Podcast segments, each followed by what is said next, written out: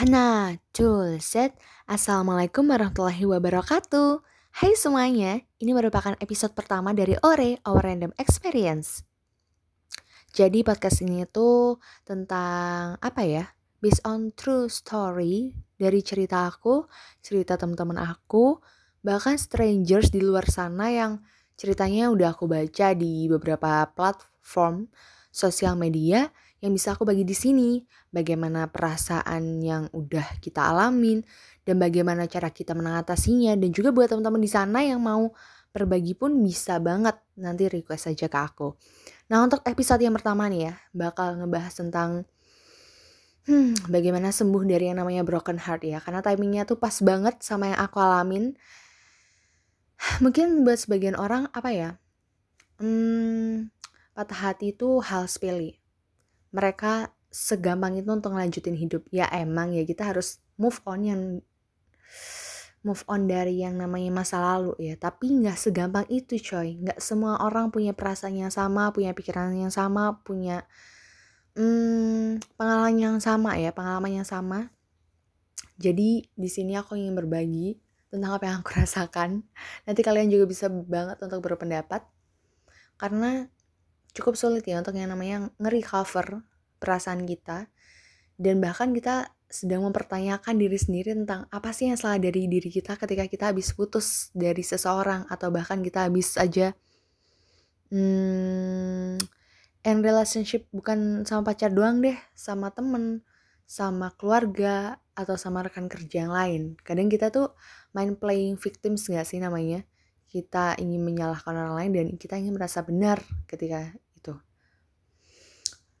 Ya, uh, kayak yang tadi aku bilang buat beberapa orang tuh mudah ya untuk ngelanjutin hidup ketika habis putus sama seseorang. But for some of us, it feels like we have to start over. Dan sebenarnya nggak ada cara sih untuk nyembuhin patah hati. Yang bener ya, ya apa ya? Emang ada obatnya ya sembuh dari yang namanya patah hati. One of the best things I learned in my life was to always focus on myself first ya. Yang pertama nih ya, ini aku juga sedang proses gitu ya, untuk fokus on myself first gitu. Bahkan dalam suatu hubungan pun, uh, dalam suatu hubungan pun meskipun kita berdua aku juga tetap harus fokus sama diri aku sendiri. Ego aku harus tetap ada gitu loh paham gak sih?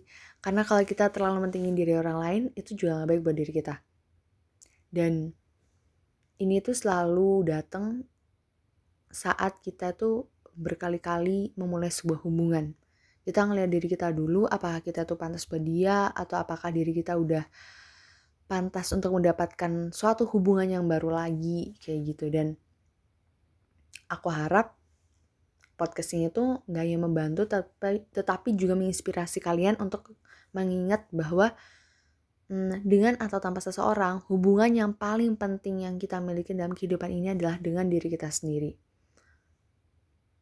Love yourself first gitu loh. Whether you made a big mistake in the relationship or not this time right now is about ensuring well-being is priority.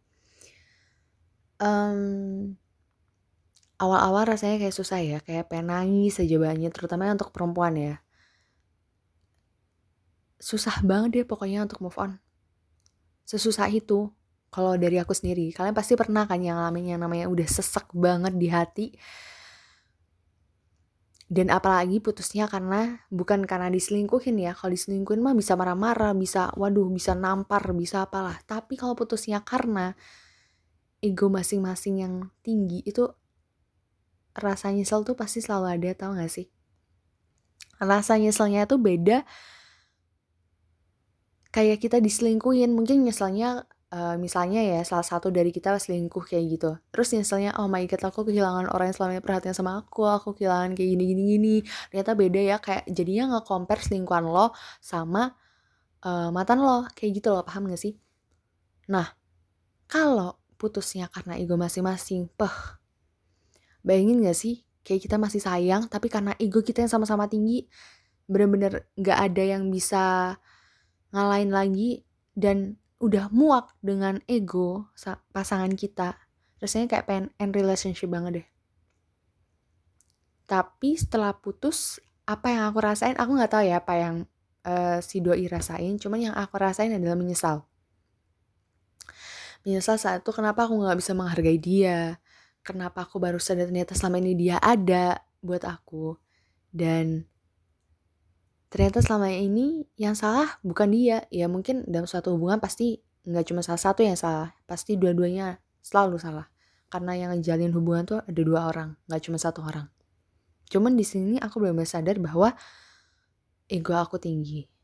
Ego aku itu tinggi banget dan oke berarti kemarin aku belum dewasa. Kemarin aku terlalu ya terlalu mementingkan diri sendiri terlalu mementingkan apa yang aku mau sampai aku nggak tahu apa yang dia mau kayak gitu loh. Jadi kesannya dia tuh nggak merasa dihargai kayak gitu. Nah buat kalian ya gimana sih cara ngatasin hal kayak gitu? Karena aku pikir ya ketika aku punya seseorang yang lebih tua dari aku ya umurnya terpaut 5-6 tahun lah aku pikir dia juga dewasa dia bisa bimbing aku. Ternyata enggak sama aja. Ego ego kita tuh sama-sama tinggi banget dan ya ternyata umur itu enggak dewasa tuh nggak bisa ngelihat dari umur sih. Dan itu susah banget. Mungkin kalian yang punya pengalaman kayak gini dan tahu caranya nge-recovery mungkin kalian bisa bantu aku karena sampai detik ini itu masih waduh terngiang-ngiang karena selama ini dia ada sekali buat saya. Bener-bener baik banget buat saya. Tapi ya mungkin takdir berkata lain ya. Tuhan memberikan rencana yang lebih baik lagi mungkin untuk kita berdua. Dianya bertemu dengan seseorang yang lebih baik lagi daripada saya dan saya pun bertemu. Insya Allah akan bertemu dengan seseorang yang ditakdirkan untuk saya